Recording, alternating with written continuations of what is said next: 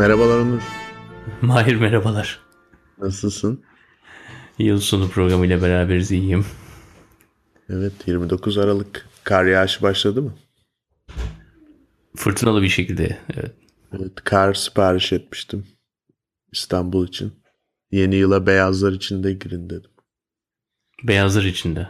Prenses Leia gibi. Şehir Mahmut gelinlik, Bey'den döşemlik kumaş alıp böyle perde kumaş alıp. Şehir gelinlik giysin dedim Onur. Beyaz Bugün beyaz. bugün arabesk takılacağım.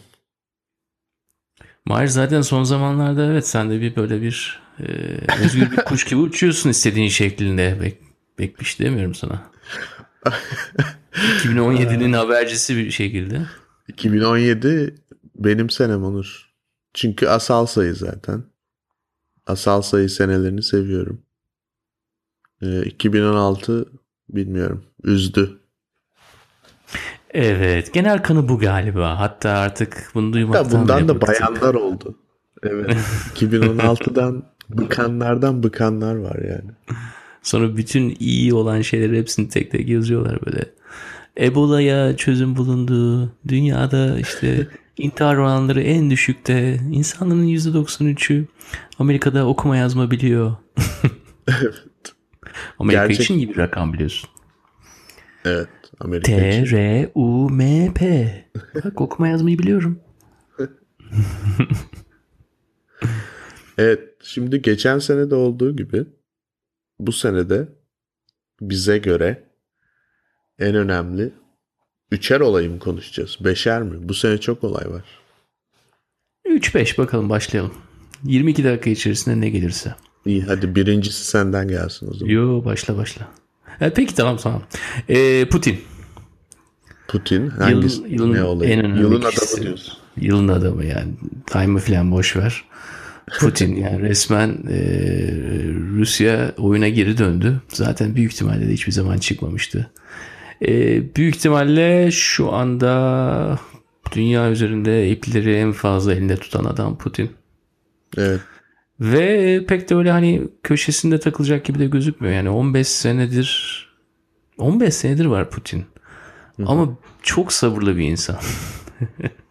Ajanlık öyle bir şey. Şartların Sabır olgunlaşmasını beklemiş. Öyle görünüyor yani.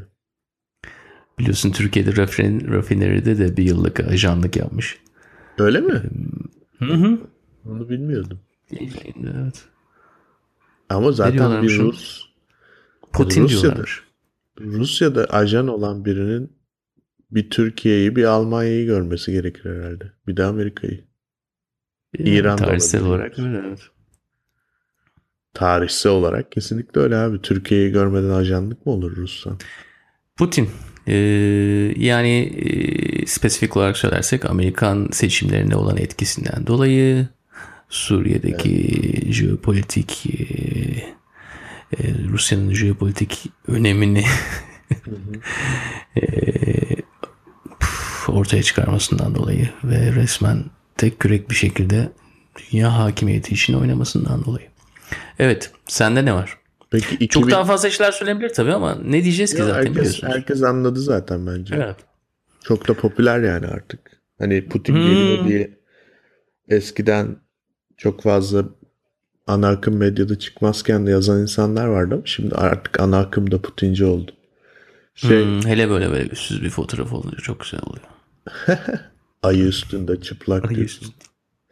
Şey, Sende ne var 2016'dan? Bir saniye şunu sorayım sonra benimkine geçeceğiz. Hmm. 2017'de de bekliyorsun yani. Ya 2016'nın adamı da hani gelecek yıllarda yine konuşulur mu sence? Kendinden söz ettirir mi? Yani sen böyle bir oyuna girdiysen tabii. Ya Putin'le Erdoğan arasındaki fark da o zaten. Putin kendi amaçlarıyla ülkenin amaçlarını bir şekilde aynı potada eritebiliyor. Ee, yani kendini zengin ederken aynı anda hani ülkesi içinde doğru adımları atabiliyor. Erdoğan onu yapamıyor yani parayı çok seven bir adam olduğu için mesela biraz orada uf, unutuyor falan ülkeyi başka şeyler yapmaya başlıyor. Sonra tekrar ülkeyi falan hatırlıyor ama yani Putin Erdoğan'ın upgrade edilmiş hali gibi. Onun için daha kudretli. Ee, ve hani Ruslar da tutuyor tabii. Street Fighter oyunundaki gibi diyorsun. Döver. Ee, şimdi sen insan olarak girdin. Yani bir insandan bahsettin. Acaba Evet. e, ben ben bir insan seçmemiştim. Yani tabii ki e, Amerikan seçimleri bence çok önemli bir olay bu sene. Ama bunu böyle hani seçimi Trump kazandı falandan ziyade bence bütün olayın bütününde işte haberlerin yayılması, sahte haber dünyası o çok ilginç bir olay. Ee, e-maillerin Demokratik Parti e-maillerinin hacklenip servis edilmesi. Yani bu Nedir sefer farklı olan? Yani birçok hani böyle başkanın Siber bir seçimlerinde seçim. skandallar olur. yok bu Bunun farkı ne? bu kesinlikle e, bilgisayarın ve bilgisayarın yapabileceklerinin çok ön plana çıktığı bir seçim. Yani manipülasyonun işte geçen hatta yeni bir yazı çıktı. AI yüzünden artık e, sahte haber ve sahte imaj geliştirme işi daha da kolaylaşacak diye. Yani tamamıyla böyle bir sanallığın zirve yaptığı bir seçim oldu. E, yani hem sanal dünyadaki savaşlar işte gerçekten hani bilmiyorum artık CIA diyor Rusya yaptı falan ya da Rusya destekli ekipler ama sonuçta hackerların aktif bir şekilde Clinton ve taraftarlarına saldırması onun yanındakilere bu e-maillerin sürekli ortaya saçılması İkincisi de yine aylar boyunca yani hani böyle plansız programsız olacak bir iş değil. E, defalarca Clinton hakkında ve Demokrat Parti hakkında ve Obama hakkında inanılmaz derecede sahte haber üretilmesi, bu haberlerin gerçekmiş gibi görünen sitelerde yer alması, bunlar hakkında Facebook'a reklam verilmesi, insanların bunu tıklaması, Reddit'te gruplar oluşturulması, ya inanılmaz bir operasyon, inanılmaz bir boyut. Ee, çok ilginç olduğunu düşünüyorum. Çünkü hani birazcık e, ya burada bu şekilde oluyorsa başka yerlerde tamamıyla bir sanallığa bürünebilir diye düşünüyorum seçimler. Ha, The Gambia'da olursa mesela neler olabilir? Seçim bile Yani- olmayabilir onu diyorum yani aslında. Olmuş Esas olayın büyük olması ha, gerçekliğin e, böyle eğilip bükülmesi için daha büyük bir fırsat. Evet. Belki küçük olan yerlerde daha e, beklediğin gibi olmayabilir. Yani büyük olması esas. Ha öyle mi diyorsun? Par-. Tabii pastanın büyük olmasından dolayı çok fazla aktör var ve her biri kendi gerçekliğini ortaya koyabiliyor. Ve e, o gerçeklik yeteri kadar magazinselse de taraftar da toplayabiliyor. Veya kendi amaçlarına e, uygunsa e, orada belief system dediğim şeyler var. İnanç sistemleri ortaya girmeye, e, olaya girmeye başlıyor. İnanç sistemleriyle kesin kanıtların birbirleriyle bu kadar yakın olması bir- biraz da bizi en fazla etkileyen unsurlardan bir tanesi. Bu ikisi de yani insanlığın başlangıcından beri var. Yani Evet. kanıtlar var ve inanç sistemleri var. Ama galiba işte e, din ve politika nasıl bir aynı yatakta yatar ya. İşte biz bu da e, inanç sistemleriyle kanıtlarda öyle bir şekilde aynı yatakta yatıyorlar ve herhalde yatmaya da devam edecekler uzun bir süre. Ben parsa pastanın büyük olmasından dolayı ben bunun daha fazla olabileceğini düşünüyorum aktör sayısının fazlalaşmasından dolayı ve Aynen, olabilir. ve ortadaki şey de çok büyük tabii. Ödül de çok Tabii. büyük. Ondan dolayı biraz ilginç bir. Neyse hacker dedin başka bir konuya geçeyim hemen. Geçelim. Ee, 2016'ın en ilginç haberlerinden bir tanesi belki de hiç duymadığım bir şirket hakkında. Adı St. Jude. Ee, Minneapolis, St. Paul'un biraz dışında bir medikal bir şirket. Yaklaşık piyasa değeri 25 milyar dolar kadar. Daha dün Abbott bunları e, satın aldı. Rekabet kurulundan geçti bu ama bu önemli olan haber değil. Ağustos ayında çıkmış bir haber var. St. Jude Medical'in e, yaptığı kalp E, galiba evet senin e, pacemaker'ın galiba o Mahir.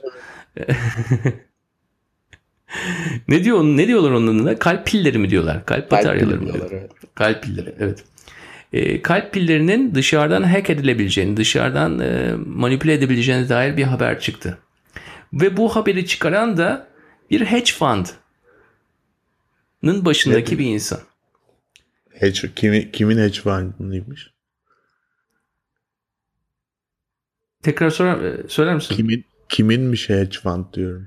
Hedge fund'ın adı Muddy Waters. Adamın adı da Carson Black. 34 sayfalık büyük bir rapor hazırlıyor. Ve bunu e, St. Jude'un e, biliyorsun yani bir bilgiye sahipsen bunu e, kapalı dolaplar ardında işte e, bir şekilde bunu bununla bir şeyler yapamazsın. Çünkü bunun bazı legal konsek şeyleri var. Sonuçları var. Ama eğer sen bir hacker grubu tutarsan ve bu St. Jude'un yaptığı kalp pillerine hack edilebileceğini gösterirsen bunun sayesinde ondan önce de St. Jude'un hisse senetleri önceden satmışsan eğer short sell dediğimiz şey filmi de var biliyorsunuz son yıllarda. Ne anlama gelir bu? Yani bir şeyi kanıtlamış oluyorsun. Kanıtlaman sayesinde bunun sayesinde para kazanmış da oluyorsun. İşin ilginç tarafı bu. Yani bir kalbimizde olan bir şeyin de hack edilebileceği. İkincisi ise bunun e, işte finansal dünya ile teknoloji dünyanın, dünyasının e, evliliği içerisinde finansal olarak kendine getiri sağlamak için de böyle bir kanıtlama yöntemine gi- girebileceğine dair bir şey. E, sonuçta tabii ki yani şirket de büyük. Senchu da çok büyük bir şirket. Biraz önce değerini de verdim zaten. 25 milyar dolar. Bu şey de anlamına geldi tabii. E, o, o gün belki %8 düştü hissesi. Ama Abbott Technology'nin de işine yaradı esas da böyle bir haber. Çok ilginç. Güzel bir... e, neden beni etkilediğini anlıyorsun herhalde. önce- Kalbinde mi? Hayır kalbinde. Ya seni işte bir önceki konuyla güzel bağlanıyor aslında. Çünkü gerçekten teknoloji birçok şeyi e, yapmamıza yardımcı oluyor, sebep oluyor ama e, ya da kolaylaştırıyor. Ama aynı zamanda da bütün sınırları da giderek flulaştırıyor. Yani işte hedge fundçı haber yayınlıyor, araştırma yapıyor falan. Veya bedeninle bir laboratuvar. Yani orada da sınırlar ayrılmış. Be- biri biri beden hacklemeye çalışıyor falan filan. Yani gerçekten aslında e, bilmiyorum bizim daha önceden konuştuğumuz birçok konuyla ilgili örnekleri gördüğümüz bir sene oldu 2016. Yani ben öyle düşünüyorum. Yani 5 sene önce, 4 sene önce konuştuğumuz şeyleri ya da seninle kişisel olarak belki daha da önceden konuştuğumuz şeyleri bu sene e, birebir görme fırsatı bulduk. O da ilginç bir e, psikolojik bir etki yaptı bence. Ya bende yaptı en azından. Ben böyle Allah Allah science fiction filmi mi izliyoruz falan olduğum zamanlar oldu yani. now değil mi? Evet. Öyle bir seneydi. O yüzden kafa karıştırıcıydı bence. Ve buna en güzel örneği de şöyle diyeyim.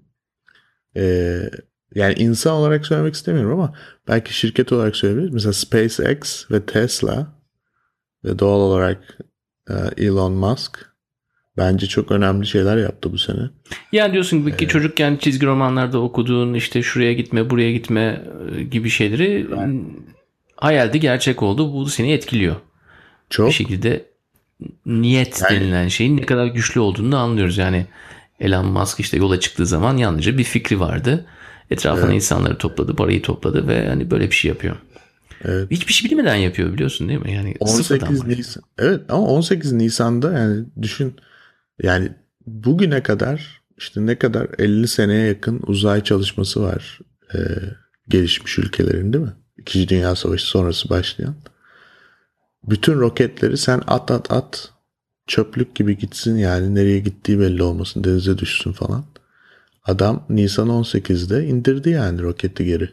Çok yani gerçekten o filmlerde gördüğümüz uzay mekiğinin bir yere iniyor olması gibi bir mesele yani o. Ya oraya gidecek o iş.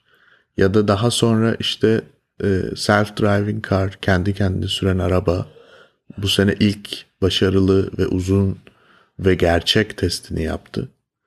E daha sonra e, çatı anonsu 28 e, Ekim e, Tesla e, ve Solar City Bir birlikte. dakika şimdi bunların hepsi tek konu mu bu arada?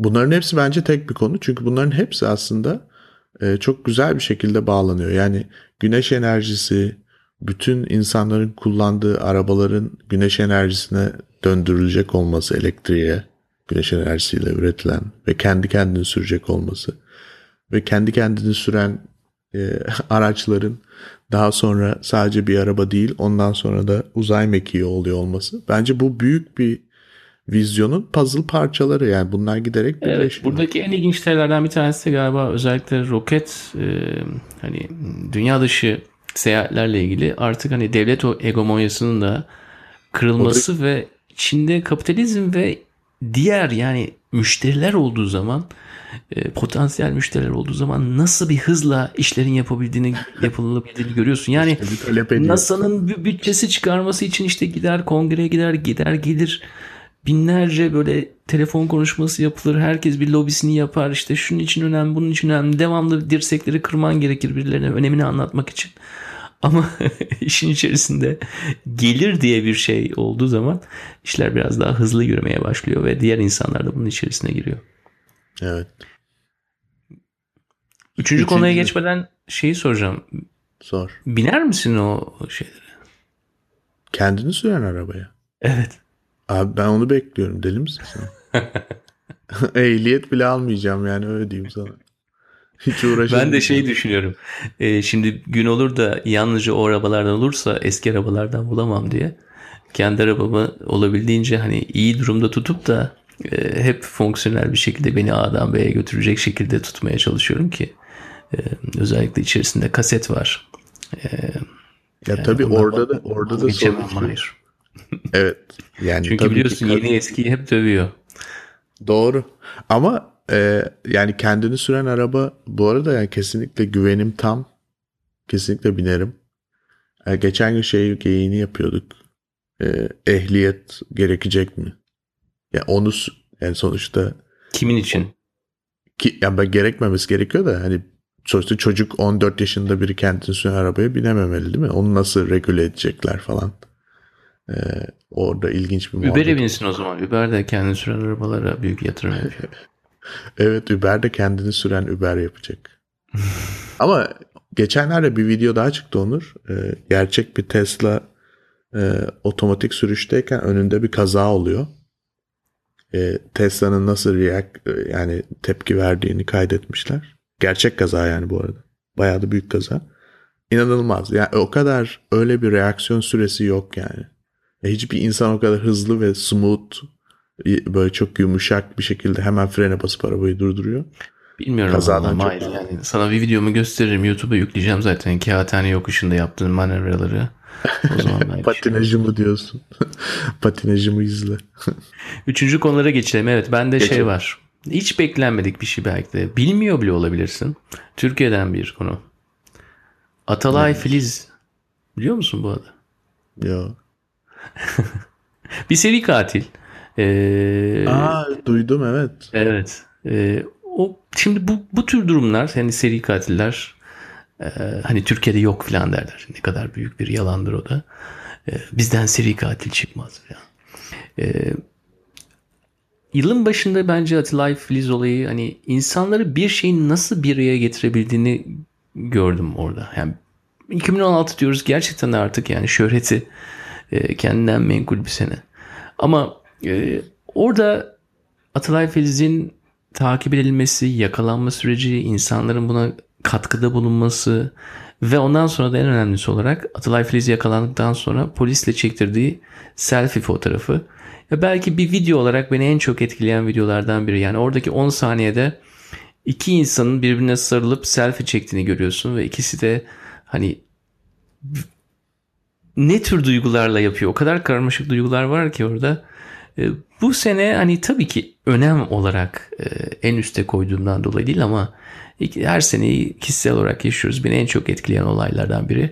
O haftaydı Atalay Filiz haftası ve ondan sonraki o selfie ve tabii ondan sonra da her şeyi unutmamız ve yeni konuya geçmemiz. Ne düşünüyorsun bu Atalay Filiz bir metafor gibi bir olay mı Türkiye için sence? Biraz Meta Türkiye seviyesi. batında değil de biraz daha hani böyle ha, insan en basitinden insan. tut da olayın selfie tarafı var. Yani selfie'nin evet. son 3-4 senelik işte Oscar'lardaki e, Ellen'ın yaptığı selfie'den sonraki 3 evet. senelik macerası var. Onun geldiği bir nokta. E, aynı zamanda bu yıl biliyorsun hani konuyu dağıtmak gibi olmasın ama Yo. Ee, Etrafta canavarlar aradığımız yıldı cep telefonlarımızda yani Temmuz 6'da herhalde e, herkes onu bekliyordu. Canavarları işte Pokemon'ları bulmak olarak. Ee, yani cep telefonuyla olan serüvenimiz için bir anlam ifade ediyor. Onun dışında ise çok eski bir şey var orada. Çok eski bir şey. O da hmm, anti kahramanların da esaslı bir kahraman olduğu. Ne kadar anti olsalar bile, ne kadar hani toplum düşmanı, insan düşmanı gibi e, nitelendirilseler bile, yani birisinin e, katil diye bir damga vurulsa bile, evet insanları öldürmüş oluyorsun ama e, bir, bir başka bir şey var orada yani. O, o, o kişileri aşan başka bir şey var ve onu birlikte yaşıyoruz ve bir şekilde böyle ağzımız açık bir şekilde takip ediyoruz.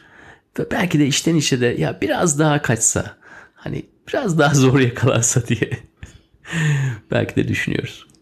Evet. Yok. Severim ilginç ben seri katilleri. En sevdiğim dizi Dexter'dır. Dexter'ı severim çünkü bir kodu vardır yani bir şeyi vardır. Evet sende ne var üçüncü konu? Üçüncü konu bende birazcık arada kaldığım bir meseleydi. Ee, çünkü hani 2016'da bir sürü e, iç açmayan haber olduğu için acaba bunu seçsem mi seçmesem mi diye düşündüm ama bence 2016'da ben de Türkiye'den bir şey düşünmüştüm. Ee, onun da başkanlık olduğunu düşünüyorum. Ee, yani bu, bu yine böyle seçim gibi çatı bir konu aslında. Ee, bunun altında çok önemli meseleler var.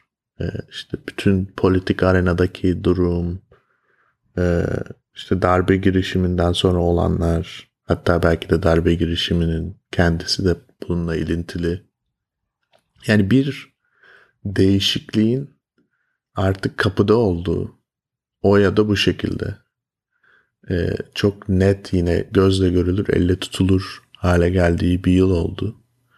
E, bunun da birazcık daha derinindeki sebepleri düşünüyorum. Yani işte mesela bizim e, şu anda ilginç bir çatışmalar oluyor ya Twitter'da falan sosyal medyada işte Osmanlıcılar var bir de Cumhuriyetçiler var falan. Bir rejim ve rejimin aslında özündeki şeyi tartışmaya çalışıyor şu an Türk toplumu. Bunun ilginç bir şey olduğunu düşünüyorum. Çünkü yani işte bir sürü insan diyor ki yani biz cihana hükmettik. Başımızda bir padişah vardı. Bu yanlış bir şeydi yani bundan çıkmış olmamız. Hani biraz Rusya örneğine de dönersek. e, biz bir mola vermiştik falan gibi takılanlar var. Evet. Şimdi bunu E, Güzel bir konu. Tekrar dönelim buna ama onunla alakalı olarak şunu da söyleyeyim. Amerika'da da tabii iki Amerika, two, e, two Americas diye bir şey vardı. Devamlı ikiye bölündük gibi. E, ve bunun hani coğrafi olarak belki kıyıda yaşayanlar veya işte ortada yaşayanlar sen bu konuları iyi bilirsin tabii. Haritalandırma konularını. Esasında tam da öyle değildir. E, her yerde Şehirler. Şehirler çok önemlidir tabii. E, Türkiye'de tabii biz artık hani biraz da önce olduğumuz bir konuda 15 senedir bu öteki Türkiye yok işte beyaz, sarı falan, kara neyse öyle şeyler konuşuluyor. %50, 50, 51, 49 falan öyle şeyler konuşuyor. E, bu ayrım yani bu değişik geçmişe ve geleceğe dair ayrı vizyonları olan insanların aynı yerkürede veya bazen aynı e, coğrafi koridorlarda birlikte olmaları illa da çok büyük bir birliktelik halinde olduklarını göstermiyor. Tam tersi. Ve belki de bundan dolayı da değişik ülkelerdeki e, insanlarla başka bir birlikteliğin olmaya başlıyor. Yani bu sene ne diyorsun mesela? Yani Twitter'daki bir aktrolle herhalde çok fazla bir e, şeyin yok. Yani e, e, kültürel ortaklıkların bence zamanla erozyona uğruyor veya düşündüğün kültürel ortaklıkların bence zamanla yok olmaya başlıyor. E, Bir sanrı haline geliyor. Ama belki işte Amerika'daki e, liberal dediğimiz işte Hillary'yi tutan veya işte Trump'ı sevmeyen neyse o tür insanlara daha bir böyle bir el ele tutuşma kardeşlik moduna giriyorsun. E, yani şunu söylemeye çalışıyorum. Her ne zaman dünyanın ikiye ayrıldığını düşünürsek veya ülkemizin ikiye ayrıldığını düşünürsek aslında o ikiye ayrılma başka başka e, birlikteliklerinde yolunu açıyor diyelim. Yani Yani ben bir de şöyle düşünüyorum Onur. Bu e, dediğim gibi derindeki ya aslında burada gerçekten küreselleşmenin etkisiyle hani çok basite indirgeyelim. İki kutup varsa her yerde olan pozitif kutuplar pozitif kutuplara, negatifler negatiflere yaklaştı. Fakat fiziksel olarak hala farklı yerlerde oldukları için rejimi ve yönetimi nasıl olması gerektiği konusunda bir iktidar mücadelesi içindeler. Ama buradaki ilginç olan şey şu. Bence Türkiye senin de dediğin gibi biz önden gidiyoruz. Bir toplum nasıl yönetilmeli şeyini tartışıyor konseptini. Ben bunun Avrupa'da da tartışılacağını düşünüyorum. Yani kimsenin demokrasiye öyle e, direktman sahip çıktığını falan düşünmüyorum. Öyle bir şey de görmüyorum zaten dünyada. Evet teknoloji evet. biraz ilkeleri de erozyona uğratıyor. Evet. Şimdi A'dan B'ye gitmek daha önemli hale geliyor. Daha önceden tanımlanmış bir B noktasına olduğun noktanın oraya doğru hareket etmek ve oraya ulaşmak için en hızlı zaman kaybetmeden oraya böyle tamamen kartezyen bir kafayla e, bu çok daha önem kazanmaya başlıyor. Ama e, başkanlık ve yani neyse o başkan olma meselesi e, çok önemli bir konu. Yani belki de hayatımızın geri kalanını etkileyecek bir konu. O yüzden 2016'da da bu daha vücut buldu. Ee, önemli olduğunu düşünüyorum. Evet bu noktada da ben e, şunu da söyleyeyim. İnsanlar arasındaki farklılıklar dahilinde hep diyorlar ya işte küreselleşme yüzünden bazıları eskisinden daha kötü pozisyona düştü şeklinde. Esas da olayın özünde olan e, nispi oranlar. Yani e, başkalarına göre ne pozisyondasın? Onlar daha önce kaymağını yedi. Evet. Biz şimdi yiyoruz. Yemek istiyoruz. Hani Türkiye şablonunda söylüyorum. Veya Amerikan şablonunda. E, bazıları çok iyi gidiyor ama bizim biz yerimizde sayıyoruz. Yani yerinde saymak veya az ilerlemek de bir sorun haline geliyor. Orada e, ivmeler arasında bence ne zaman bir e, şey varsa, uçurum varsa en büyük sorunu yaratan da o. Onun için e, bizim durumumuz dedikleri zaman hep başkalarına oranla ne nerede olduğun, kendine oranla değil. Ve e, öyle bir dünya olsun ki hepimiz kaymağını yiyelim yani gerçekten. Hani böyle çok da şey yapmayalım onu. Ballı. hem bal olsun. Bir kaymağı yerken düşünüyor musun? Ben işte ya acaba Mahir'den daha mı çok keyif alıyorum bundan diye düşünüyor muyum? Abi kaymağı yerken kimse düşünüyor mu? Bu kimin sütünden yapıldı diye. O ineği düşünen var mı yani? İnsan bana önce onu anlatsın. Git sen arının balını çal, ineğin sütünü al. Ondan sonra ballı kaymak. Neyse Onurcuğum ama e, bence ben herkese umut diliyorum, şifa diliyorum 2017 için. En çok ihtiyacı olan birazcık da tatil. Hmm. Herkes e, teknolojinin esiri kölesi olmuş durumda. Cep telefonu başında mesaide herkes sürekli. Yani tweet atıyor, onu yapıyor, bunu yapıyor, haber okuyor falan da kendine bir şey yapmıyor aslında. Ona dikkat etmesi lazım. Ben de onunla bağlantılı bir şekilde bir şey söyleyeyim. Ee, her zaman bir numaraya en fazla önem verin. O da o da sizsiniz yani. Kim olursa olsun eğer bir numara iyi değilse diğerlerine de pek bir yardımı dokunmayacaktır. Kendini unutmamak, kendini fazla da kaptırmamak lazım. İster bu bir cihaz olsun, ister eşin olsun, ister baban annen olsun. İster dünyanın öbür yakasında olan bir politik e, durum olsun. Bence her zaman bir numaraya dikkat etmek lazım. Evet Onurcuğum. 2017 bizim yılımız olsun. Hayır olsun hepimize. Gelecek hafta görüşürüz Hayır. Görüşürüz.